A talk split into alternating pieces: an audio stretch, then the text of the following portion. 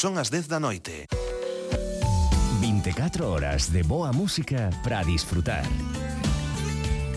Radio Galega Música. Consellería do Ritmo en Radio Galega Música.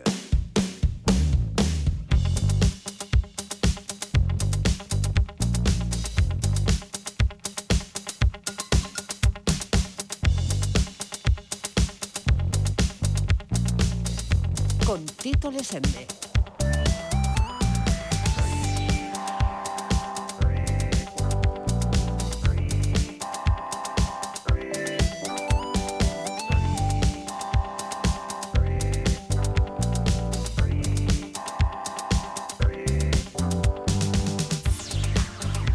Ola, que tal? Como estás? Escoitas este programa en directo Oxe 26 de decembro E seguramente xa ves de volta dun par de paparotas de Nadal se cadra ainda tes o bandullo cheo ou non, porque hai xente moi prudente, aínda que non sexa o meu caso.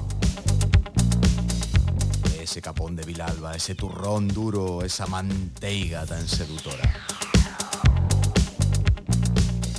Bueno, son Tito Lesende e este é o capítulo 27 da Consellería do Ritmo, ese espazo para música e a palabra na Radio Pública de Galicia. Música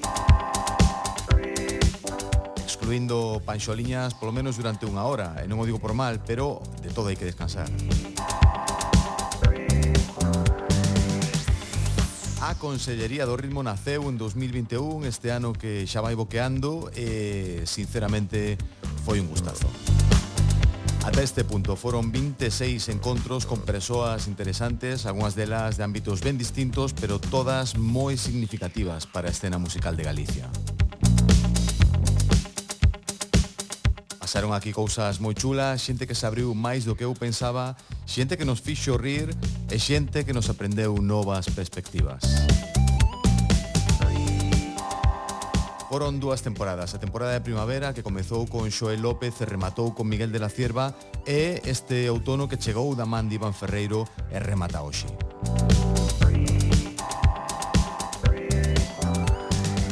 Todos os capítulos anteriores da Consellería do Ritmo están disponibles na web radiogalegapodcast.gal, pero, bueno, hoxe parecíame xusto antes de despedir celebrar este fin de ciclo lembrando algúns dos mellores momentos vividos neste programa.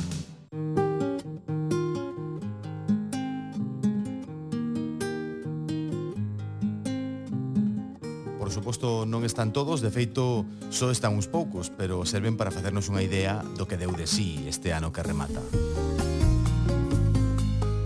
Aquí comeza a Consellería do Ritmo Grandes Momentos, hoxe especial Nadal.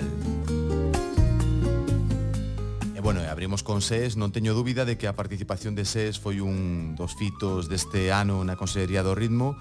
SES tivo unhas cifras de escoitas espectaculares pero bueno, sobre todo O espectáculo siempre es conversar con SES.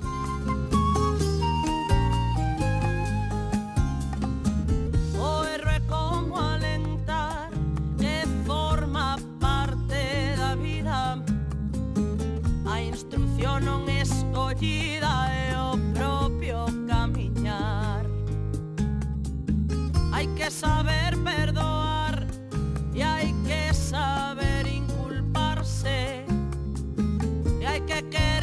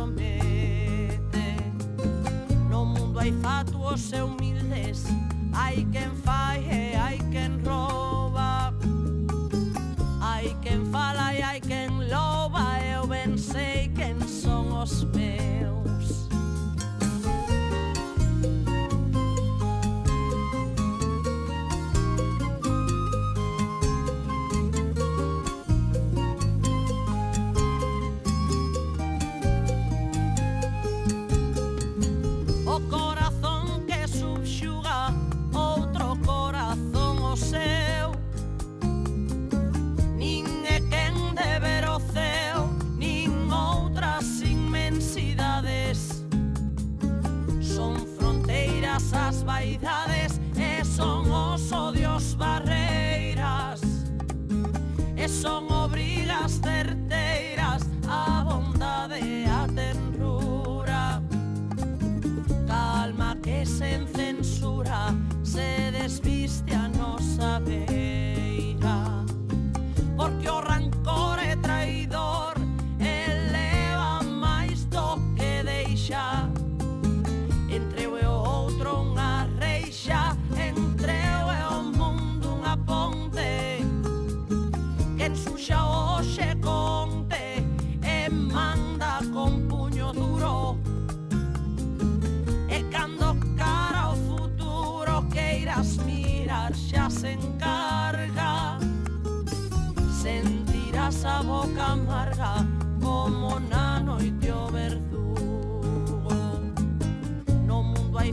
pobos e humildes hai quen fai e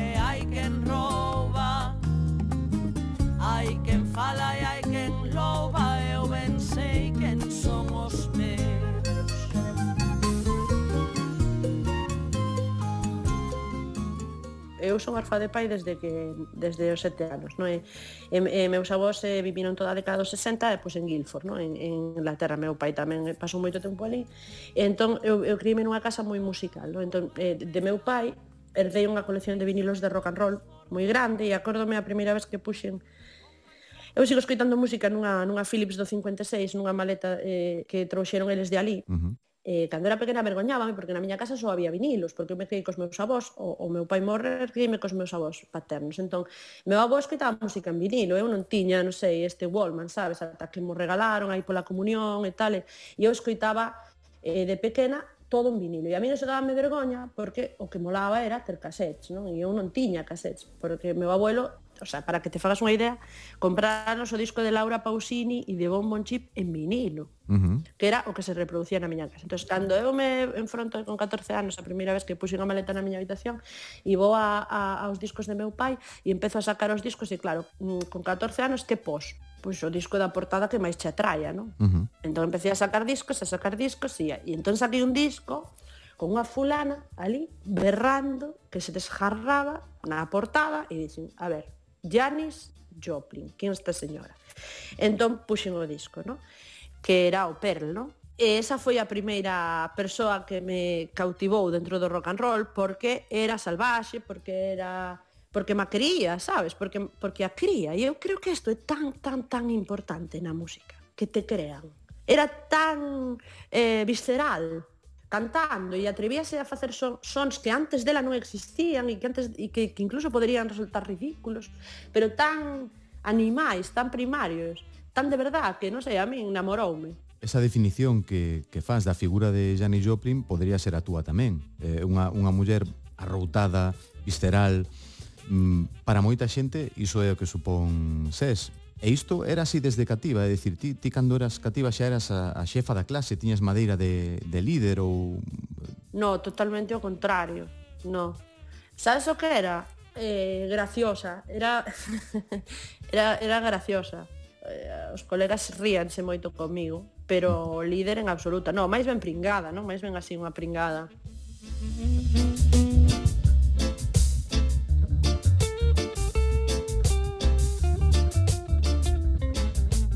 Se falaba aí de Janis Joplin como inspiración e como modelo artístico tamén dos seus propios inicios. Se escantou claro durante unha hora, foi unha maravilla e mandolle un bico enorme a SES. E é certo que moitos artistas falaron aquí das súas influencias e das súas guías, pero unha das máis insospeitadas foi o amor de Nuno Pico, grande amore, polo defunto Nino Bravo. Linja Carlos Crespo un artigo na Voz de Galicia onde dicías que cando eras un rapaz quedaras conmocionado por a morte de Nino Bravo. Sí, sí, sí. Eh, non sei se si isto é postureo no. ou se che gustaban as cancións de Nino Bravo. Non, non, é que eu fora bromas, é, a xente, claro, pensa que como que digo por, por remarcar esa, esa un pouco imaxe de rareza que xa, xa de por si dou pero eu acórdome que de pequeno encantábame as cancións de, non sei, había algo eso na voz de Nino Bravo que, que me encantaba claro, cando és moi pequeno eso das distancias temporales, eso nas asumes. Eu pensei que ese señor estaría vivo e seguiría facendo cancións tal. E un día enteréme de que morrera e ese día, claro, que estaba como se si ahora che dicen, imagínate que dicen a un chaval calquera, morreu Bad Bunny, e dices, ostras, tío, morreu Bad Bunny, que estás contando? Tal. Pois pues eu cando me enterei, además dixenme meus pais todo disgustaban en plan, morreu, morreu no bravo, meus pais como xa é brutal, fai 30 claro. É brutal, el leva 30 anos mortos e para ti Nino Bravo era como Bad Bunny. Claro, eh, claro, era actual, porque que claro, maravilla. cando pequeno non tes o non asumes eso, uh -huh. non? E digo, ah, pero como, como pode ser que morrese Nino Bravo e non este todo o mundo chorando pola calle? Claro, porque, porque xa pasara, claro. claro, claro. Xa pasara todo iso. Mira, eu eh, sei de boa tinta que Nino Bravo comía fabada para afinar ben. Cando tiña un día indeciso, el metía unha fabada no corpo e a partir de aí eh, daballe lume eh, non sei se é unha técnica homologada, pero era o que facía Hostia. Nino Bravo, non sei se hai unha base científica aí, pero eh, ou se cadra era unha manía nada máis. Ti tes manías ou tes algún tipo de... Eh... Estou buscando unha conexión entre Grande Amor e Nino Bravo, sí, sí, non sei sí, se te das conta. claro, eu creo que claro, que igual, igual tamén que ainda non descubrín, porque se houvese unha técnica, por rara que fose, para que eu afinase, claro, é que ni, ni, ni siquiera sei como se pode chegar a iso. Quero dicir, Nino Bravo diría, vale, se como unha fabadora vou afinar, tal. Vale, eu non sei se neste mundo habrá algo que a mí me vai a facer afinar, terei que seguir buscando, pero ainda non teño moi claro.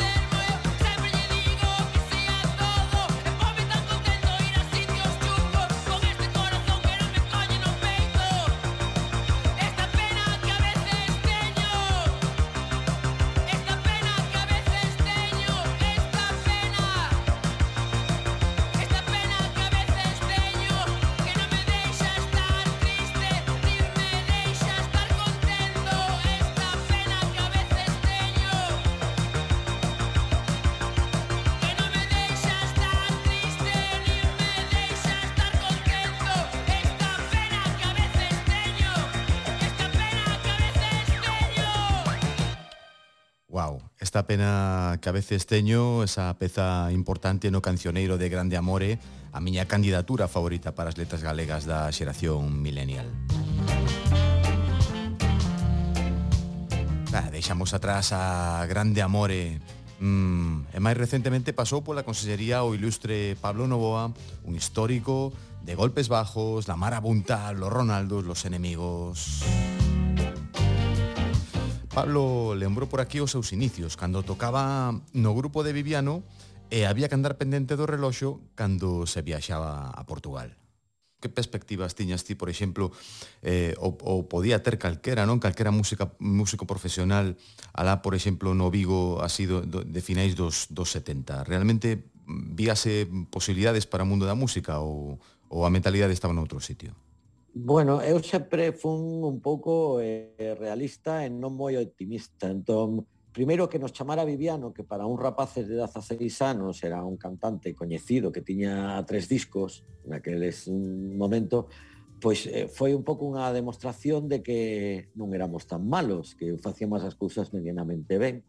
Eh, con Vivianov, pois pasamos esa, esa universidade de ir tocando por moitos sitios, Portugal, pero bueno, eh, os, digamos que o que cobrábamos era bastante humilde, eh, vamos, estamos falando de uns anos en que cando ias a tocar a Portugal eh, eh, cruzabas os dedos para chegar á fronteira unha da mañán que apechaban. Alguna vez quedábamos ali. o sea, estas cousas pasaban, ibas a tocar a Ponte da Lima, eh, e o concerto era ás 11 da noite e a eh, unha da mañán non chegabas para a fronteira, había fronteira e había que pasar eh, levar uns papéis con todos os instrumentos que levábamos e cousas así. Uh -huh. Cobrábamos algo en escudos, bueno, era unha cousa un pouco eh, rudimentaria, por decirlo de algún xeito amable. Eh, para nós foi toda unha experiencia, pero pero eh, non tiñas un pouco mentalidade de, de que iso fose a ser a túa vida. E logo pasou o que pasou, que entraches a formar parte dese grupo chamado Golpes Bajos e vicheste triunfando nun período de tempo bastante breve, non? Foi todo bastante rápido, non? Enchendo salas aí, soando pola radio eh, de maneira constante. Supoño que foi algo flipante para ti tamén, non? Golpes Bajos foi un pouco xa o empurrón de decir temos un grupo, ostras, eh, eh, eh, eh, funciona por toda España, temos moito éxito. O éxito foi moi, moi, moi temprano, foi moi cedo. Eh, eu penso que no, non supimos digerir un pouco a, a toda a historia do que, que tiñamos co, co grupo e o certo é que, que en tres anos veo a disolución do grupo porque fixemos moitísimas cousas en moi pouco tempo e costounos digerir todo o que estaba a pasar con nós.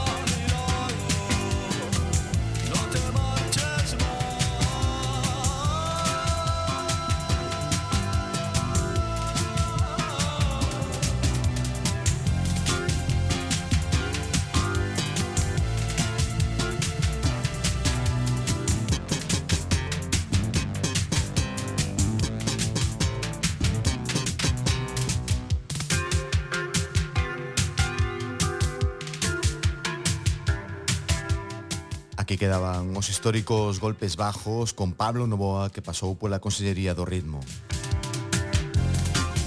E outro que nos falou dos seus inicios foi Miguel de la Cierva, porque, bueno, eh, non sei se lembrarás que pechamos aquela primeira temporada da, Conse da Consellería do Ritmo con un programa especial dende o náutico de San Vicente, ese lugar máxico no Grove. Eh, bueno, Miguel foi extraordinariamente xeneroso, con el puiden falar dalgunhas das lendas asociadas a ese local eu escoitei historias de que ti estabas vivindo aquí no, no náutico, no propio bar, non? E que houbera un temporal tremendo, que entraba a auga da mar de, de, de, de, de, aquí da, da praia da Barrosa, que estamos vendo, por certo, mentre facemos este, este programa, e que entraba auga aí no, no bar e que ti dormías en riba dunha, dunha mesa de billar porque era o único sí. sitio onde non chegaba auga. Isto é certo bueno, ou non? Bueno, non, hai mito. Ah. Eh, Algún temporal ten deixado algo de area e algas na terraza. Uh -huh. eh, diz que algunha vez salpicaron as ventanas e puido entrar algo, non? Pero realmente as inundacións viñan de arriba porque o edificio estaba coa cuberta bastante ah. ruína e tamén filtraban augas dende a calle porque a, a cociña está algo deprimida, o local está deprimido con respecto a, a, a carretera, non? Xa, xa. Auga viña de arriba, non viña sí, viña non viña de arriba da e tal, sí, a verdade é que sí, que era certo. Debes de estar dormía, afeito a, to, a todo sí, tipo de, pasei sete de mitos, invernos, ¿no? claro. Sí, pasaron moitísimas cousas, eh, foi moi divertido, non? Bueno, está sendo divertido, uh -huh. pero sí que é certo que dormín sete invernos nunha mesa de billar e tiño un can que era eh, mascota de calefacción ao mesmo tempo, non? Espera, espera un momentiño, sete invernos? Sí. Nunha mesa de billar? Sí. Puñan un colchón. Xa porque tiña un pero, dormitorio, home, pero que non era habitable. Pero con todo é bastante extravagante, non? Non, é que era non quedaba outra. E collía a leña nas praias, non tiña coche nin carné, non había teléfonos móviles, cando me enterada de que viña mm. unha irmá xa lle pedía aí tomates solís, espaguetis, tal, porque eu me quería quedar, foi un eh, eh, longo exercicio de cabezonería. Xa.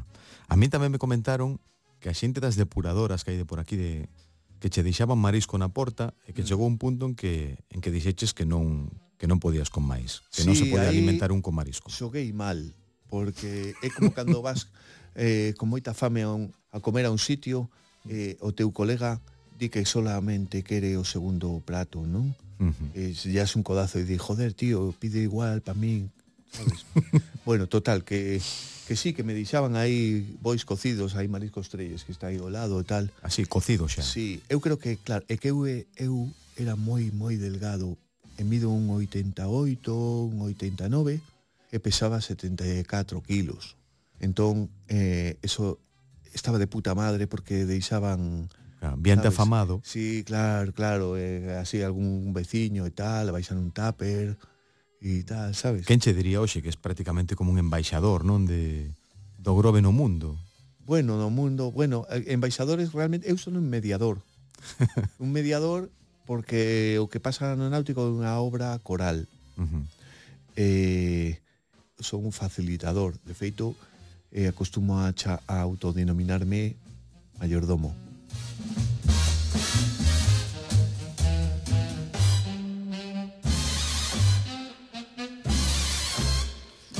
tremendos eh, Miguel de la Cierva a fronte do Náutico no Grove. Un dos programas máis escoitados tamén desta no que xa remata, ese programa que fixemos dende o Náutico, eh, Miguel é músico retirado, pero conversamos con el dende o seu papel de axitador da escena. E outro axitador é Kim Martínez, o director da Xencia Esmerarte, que nos contou que aprendeu o oficio da xente cultural eh, pois ali tratando na feira eh, do Gando. Bueno, quen é promotor de festivais e eh, manager de talentos como Vetusta Morla, Carlos Adnes, Eladio e los seres queridos, unha aperta Eladio que tamén pasou por aquí. Eh, e, eh, eh, claro, quen tamén é o manager de Xoel López moi especialmente, non? Porque eh, aí ten con el unha relación profesional e humana que, bueno, que dura tanto como este século. Pouca xente coñece tamén a Xoel como Kim Martínez. Tes un capítulo favorito de Xoel, un capítulo favorito no, no artístico, no humano, no aspecto que ti queiras, unha cousa que, que teñas aí, un recordo que se che poña na cabeza.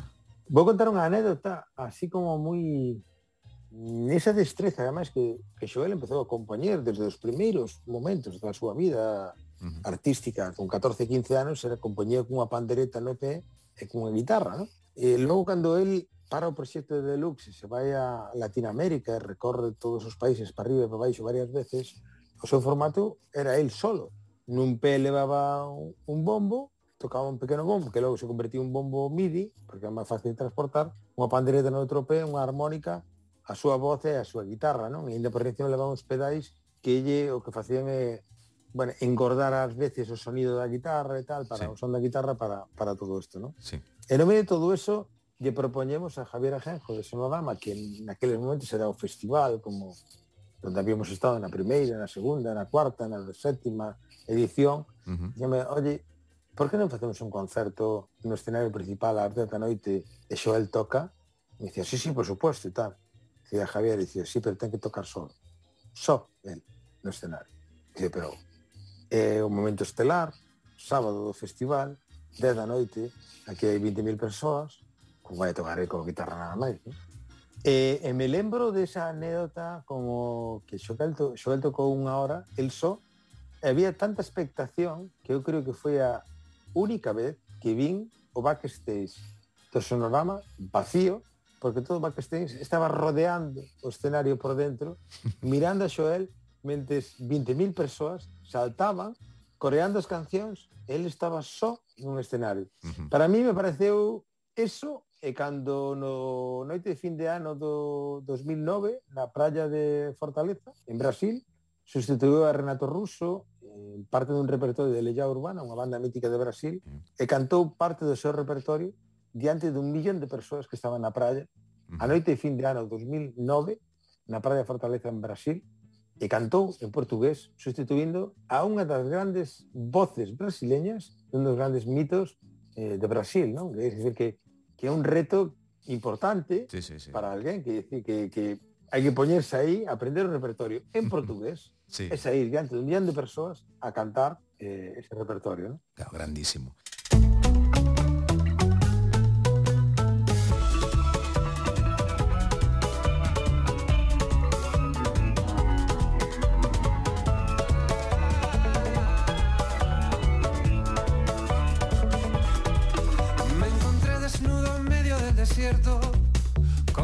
Sus dunas con olas de mar, intentando un viejo paso de merengue.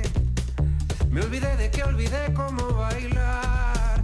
Asomado a los barrancos de la noche, sumergido en el sombrero de un disfraz. Las criaturas me miraron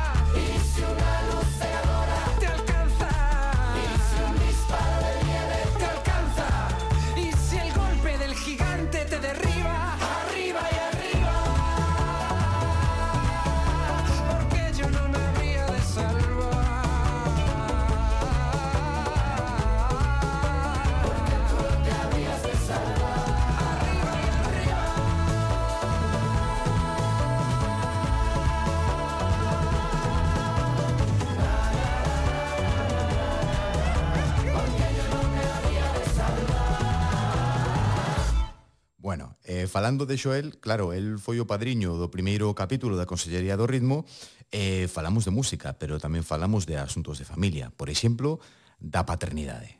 Como che cambiou a ollada artística a paternidade? Rompeches todos os espellos de verdade? Foi unha cousa, foi, foi en serio?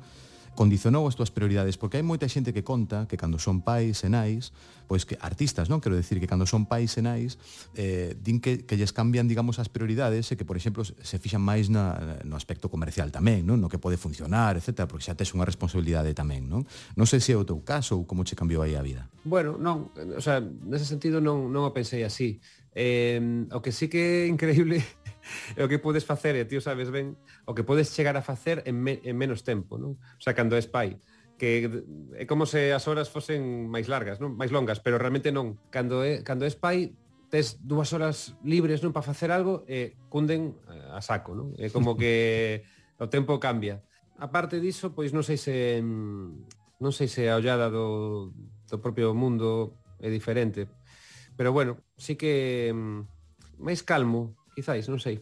Pero, pero tamén penso que o primeiro ano de crianza, por exemplo, é moi diferente, non? O, o terceiro e quinto, non sei, uh -huh. que o, o, pois eso, teño un fillo xa de seis anos e, bueno, pois xa non é o mesmo, non, nese, dese primeiro ano, así que estás aí pois mirando a temperatura do, do baño e tal. Eh, penso que é un pouco o mesmo o que pode afectar a túa música. O primeiro ano, pois sí, non? Eh, é inevitable pensar como, como cambia a túa vida e faz esas cancións non que falan del e tal. E agora xa, bueno, pois eh, lle quitas un pouco de importancia que tamén penso que é bo para o rapaz, non? Que non que non teña foco aí posto todo todo o día eh, deixalo un pouco tamén vivir a súa vida tranquilo que, que bastante ten, non? Uh -huh. E acompañalo, basicamente, sí. Bueno, o cativo ten agora seis anos, non? E, eh, ten, ten consciencia do, do oficio do seu pai ou tanto lle dá? Bueno, sí, porque cando me paran pola rúa, pois eh, me pregunta, agora xa non me pregunta, pero antes me preguntaba, me decía, por que, por que, eh, que son esta xente, non? Eh, eu lle dicía, non, é xente que lle gusta a música do teu pai. E, e bueno, tamén a profesora eh, gustalle a directora do colexio incluso, entón, claro, el xa lle dicen cousas, empeza a entender un pouco que, que pasa isto, pero el o vive con naturalidade total, porque, bueno, a súa profesora dicíame outro día, que sorte ten, non, que tenga, te ten aí co, co, para escoitarte, non, e tal, eu lle dicía, non, non, non, non, no, el non pensa o mesmo, non, é, é todo o contrario, ás veces hasta me di que, que deixe de tocar a guitarra, eh, que, lle, o sea, que deixe tranquilo, non, o sea, é outra realidade, el claro, el, para ele é algo tan normal e tan que case lle molesta, non? É, é increíble. Eu, eu, eu lle digo a veces, hai xente que paga por isto, sabes, pero pero el dalle totalmente igual. Bueno, supoño que eh, por aí a parte beneficiosa é que lle gusta a profesora, porque aí lle poden redondear a nota por arriba, non? Bueno, claro, porque aínda é moi pequeno, pero eu penso que a ver se para se sigue a mesma directora e dentro dos, dos anos pois pode ser efectivamente redondear a nota por arriba.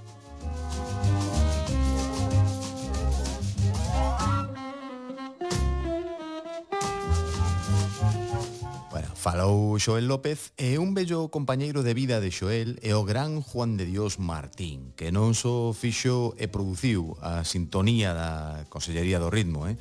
ese temazo que soa ao inicio de cada programa, pero ademais eh, eh, fíxonos unha visita a Juan de para falar das súas peripecias, dos seus éxitos na Coruña, en Madrid ou en California. Pero iso sí, eh, tiven tempo para falar con Juan de Dios da súa relación musical con esa gran, grandísima icona pop que é o Cañita Brava. Pero tiveches aí unha, unha relación profesional cun referente da nosa cultura pop, non? Que é o Cañita Brava, non? Sí, eh, señor. Eh, e, e, e que aínda segues involucrado con el. Sí, señor. Como é esa relación? Esto es no, eh, eh, justo en la época de, del semáforo. Uh -huh Semáforo, aquel programa de televisión española, non? Exactamente. Quedou a coñecer, digamos, o Cañita Brava eh, nun, nun, nun eido estatal, non? Incluso moi moi fora do barrio dos Castros na Coruña. Exactamente. Y, y resulta que era el mismo manager, él tenía el mismo manager que nosotros, yo tocaba con los limones entonces. Ajá. Yo no veía la tele, pero claro, era imposible no haber oído de él. Y un día llego al local de ensayo y me lo encuentro. Y, y estaban allí probando cosas con él y tal. Y, y, claro, me entero de que teníamos, pues eso, el manager en común y que le estaban montando para, para preparar los conciertos después del semáforo. ¿sabes? Uh -huh. y, y, claro, y, la pregunta en plan de, ¿te apuntas? Y yo digo, como, como claro, claro que me apunto, ¿no? Claro que...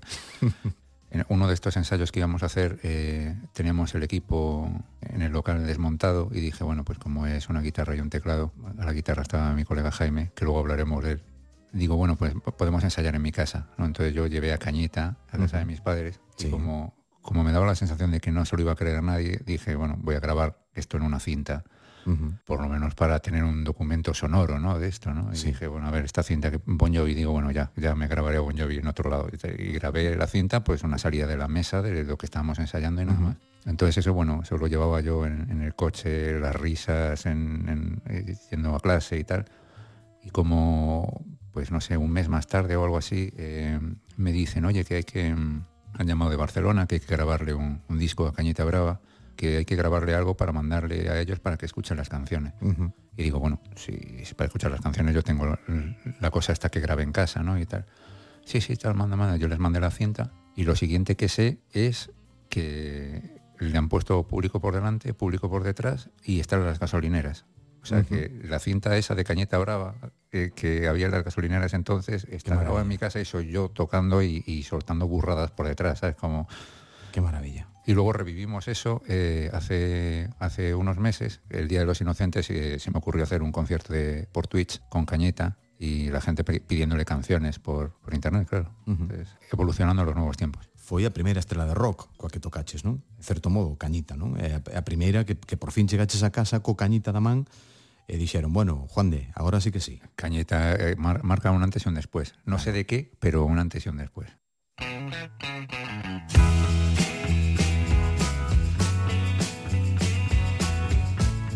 Este non é o Cañita, non? Estes son The Soul Jacket. Here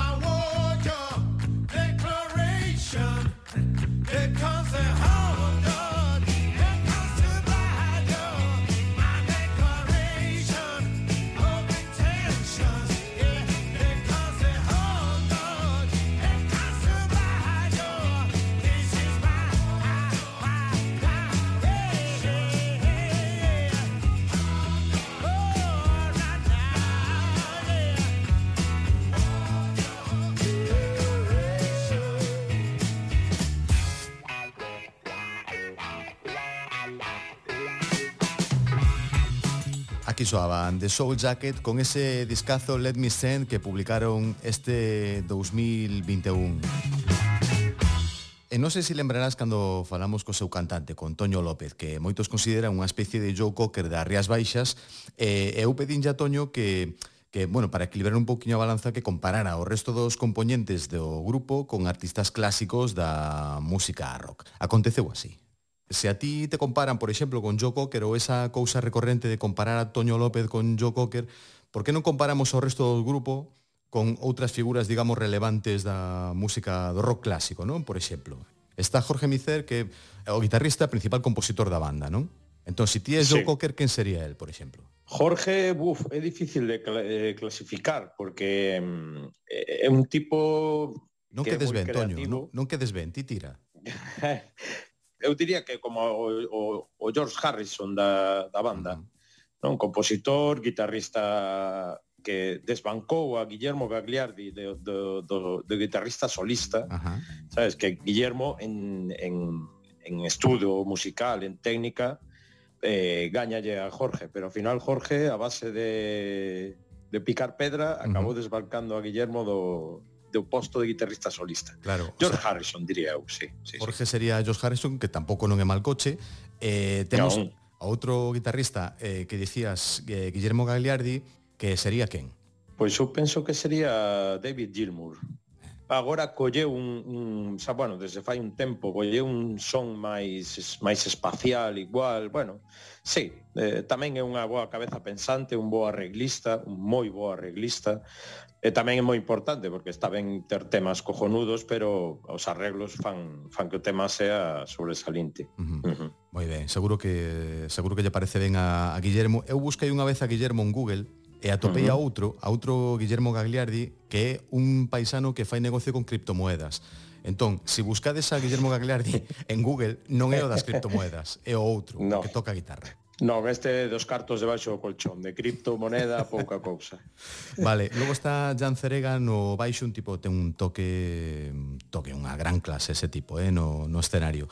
Quen sería el, por exemplo? A quen o comparas? Eu o compararía, e valle gustar moito, o que pasa é que non me lembro do nome, porque eu para, para isto dos nomes e tal sou un desastre. O baixista dos Who. John eu Entwistle. penso que sí. Se, ademais, el, el sei que lle gusta, e así polo dentro de dos Who, por exemplo, que eran todos uns zumbados, el era como máis seriote o tío, facía o seu traballo, pero tocaba que nin dios. Entonces sí, sí, eu penso que Jan podía ser. Vale, podía e, lo, ser. e logo temos a Xavier Vieitez que, bueno, é un referente da escena viguesa, un tipo eh, é un histórico dende Foggy Mental Breakdown, polo menos, non? Eh, uh -huh. acabamos antes dicindo con quen non tocou eh, Vieitez, non? El que, a quen o comparas, por exemplo? Pois é complicado, porque tamén é un tío bastante versátil. Eh, agora metemos eh, un pouco o formiguillo dos, dos sonidos así medio sintetizados e tal. Sempre foi moi de clásico, de Hammond e de piano, de Rhodes. Eh, pois igual un Ray Manzarek, quizáis. Uh -huh. Sí, Ray Manzarek, pode ser, pode ser. E Xavier Vieitez tocando órgano cos dors, tampouco é mal plan. E claro, no obviamente, tamén Eh, Mauro Comesaña na batería, outro, outro histórico, tamén é fácil velo por aí nos escenarios con Óscar Avendaño, eh, tamén a parte de Soul Jacket, eh, el quen sería? Quen sería Mauro? Sen dúbida, eh, Bonham, sen dúbida sen dúbida, porque ademais gustalle todo grande, o bombo xigante, todos os platos o máis grande que hai. E agora está agora está con unha banda eh, que é formato trío, power trío, eh, que eh, chamase Salomon Grass. Esa deu o paso definitivo que foi comprarse un gong. Entonces, Bonham, sen dúbida, sen dúbida. Ten, tocan moi parecido, tamén son moi creativos, unha personalidade tamén moi forte, Bonham, fijo, seguro. Vale, bueno, aí temos o quinteto titular de Soul Jacket eh, completando completando ese sexteto Toño López, non? Claro, aquí eh, na voz. Isto é un, un trintín total, eh, o que total, acabamos de facer. Total, total, eh? sí, sí. Bueno, Unha botada por fora.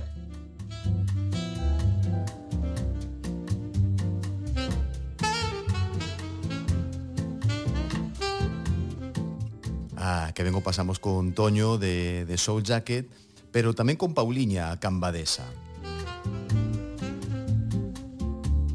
Pauliña foi unha desas persoas que racharon calquera tipo de guión e eu estoulle tremendamente agradecido pola confianza. Con Pauliña eh, deuse unha circunstancia que me parece moi significativa.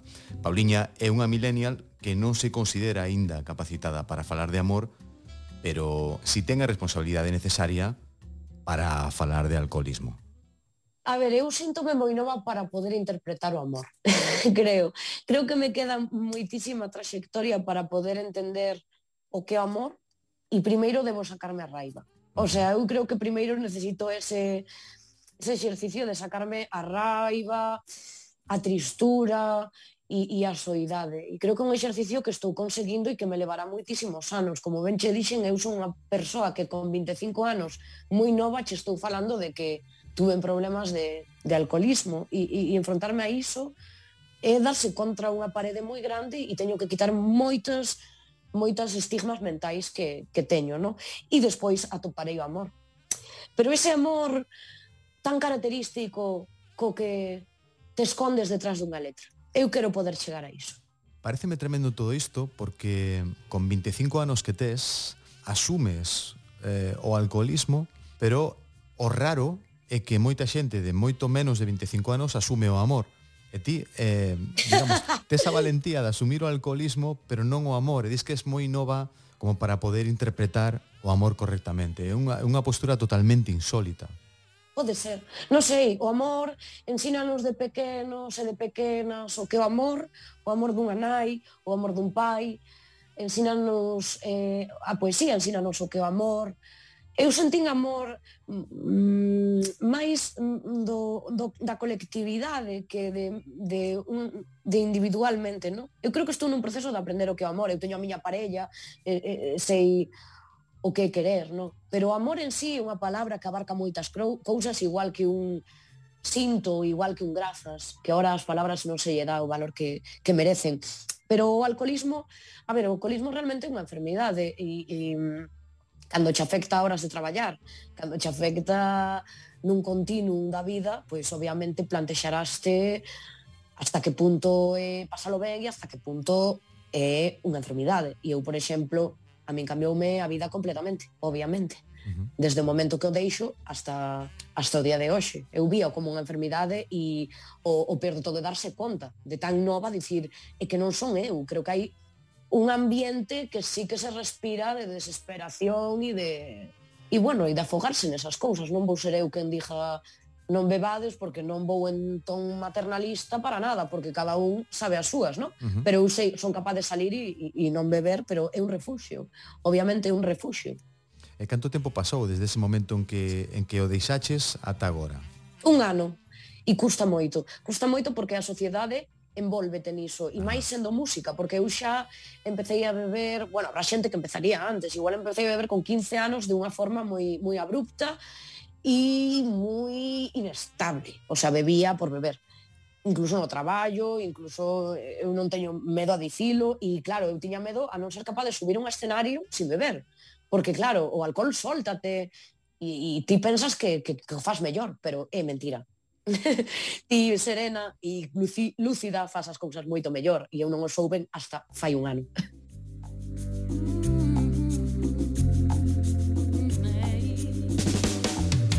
Imos pe niña bailar a discoteca. Imos peniño ata que aguanten as pernas Imos veniño bailar a discoteca. Imos veniño ata que aguanten as pernas Ponte Juan Piña sen mirarte espello Que ti veste tan fermosa por fora e por dentro hemos chegado cos beizos despintados. Corrime el corrido e ter que deitar ao traballo Subes o mai calzado dando inferno Pensando que tal vez sexa mellor estar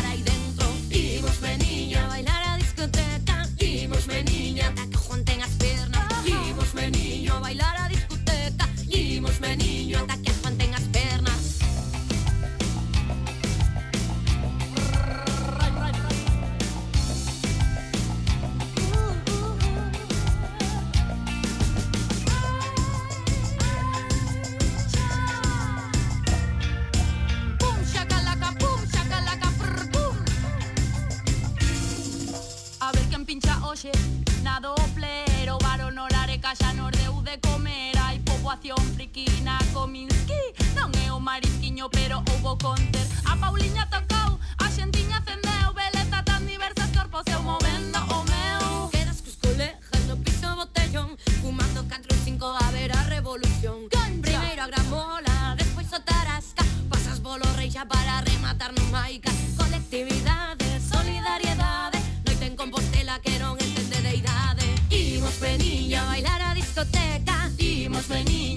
Juan ten as pernas. Imosme niño. A bailar a discoteca. Imosme niño. Ata que a Juan ten as pernas. Imosme niño a bailar a discoteca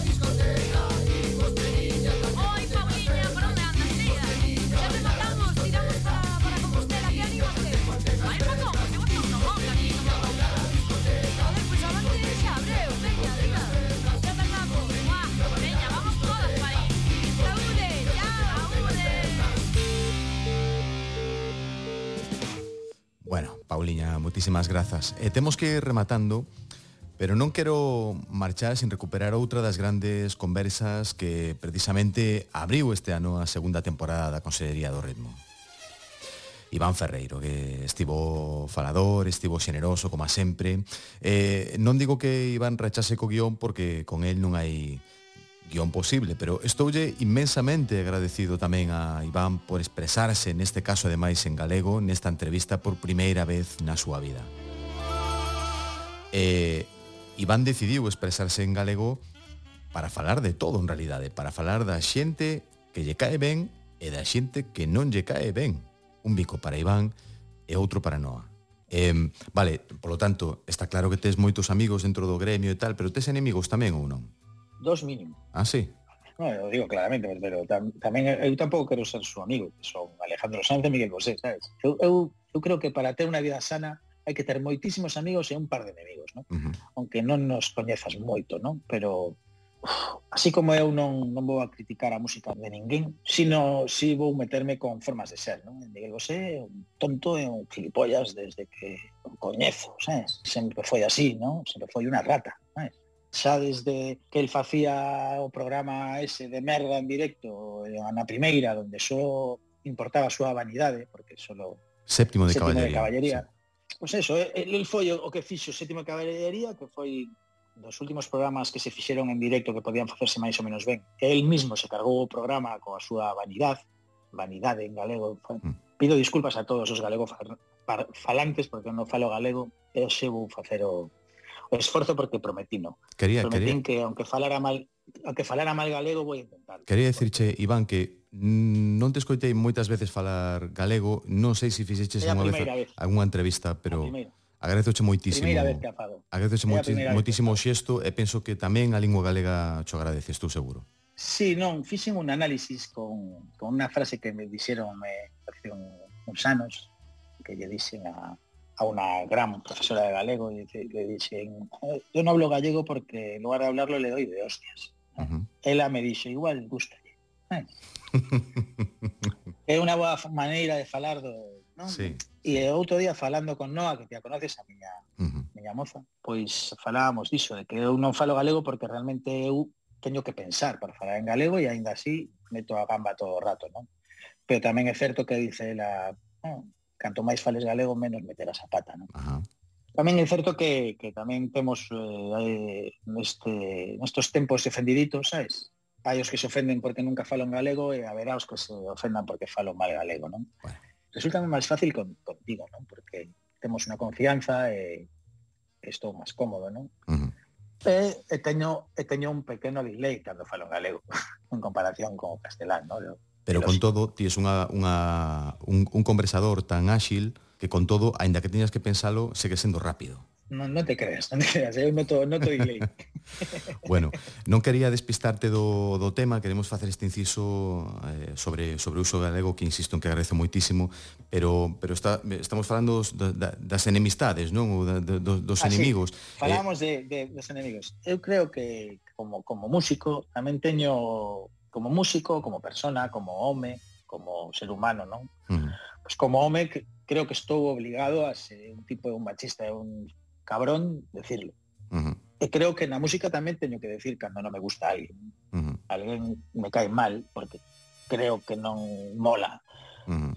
Entón, eu levo cagándome Miguel Bosé todavía porque é un gilipollas. Agora saiu na tele eh, dicendo quen é, ensinando quen é, xa todos saben que é gilipollas, non? España tardou moito tempo en darse cuenta que é un tonto, un tonto vanidoso, ¿no? Entonces, sí teño enemigos. E que che pasou con Alejandro Sanz? No, nada. Bueno, que nada. pola relación eh... que teñen entre eles, supoño por aí que tampouco che cae moi. No, no, con, con Alejandro Sanz tamén me pasou que él, él... Esta nunca me o contei públicamente. A ver, non che quero tirar da lingua máis do que ti queiras, eh? El, el sentiuse ofendido por min antes de que eu fixera, fixera nada e uh -huh. tratou de de putear, güey, de putearme frente á miña compañía. Na época de Piratas sin eu facerlle nada. Ajá. Entón a mí a xente que vai pisando cabezas non me gusta, non me gusta a xente así. E tampouco me gusta a xente que que cree que es Dios bajada a la tierra, ¿sabes? Desde aquí Bo Nadal para Alejandro Sanz e para Miguel Bosé. Falou Iván Ferreiro. Bo Nadal para os Ferreiro. Bo Nadal sobre todo para toda esa xente que fai música en Galicia, para todas esas persoas que pasaron por aquí a facernos máis felices. Para Chicho Ortiga, para Budi, para Dani e para Bituco. Para os amigos dos músicos, Berto e as agorafobia. Para Alex Bayuca e para Asbala. Para Eladio e para Adrián Costa e o gran Fran dos heredeiros e a loba, los eternos, hecho e a gran guadi galego.